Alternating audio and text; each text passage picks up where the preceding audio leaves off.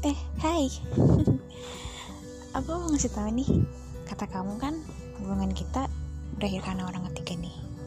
Kamu sadar gak sih? Orang ketiga itu kan masa lalu kamu. Kamu yang selalu ngutamain dia. Kamu yang selalu khawatirin dia. Kamu yang selalu kangen dia. Padahal kamu punya aku. Padahal kita masih sama-sama.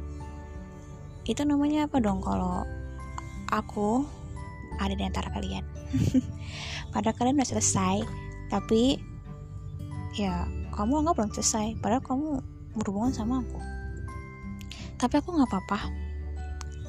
Dari situ aku berpikir bahwa mempertahankan hubungan gak harus dengan orang yang bertahan hubungan orang lain.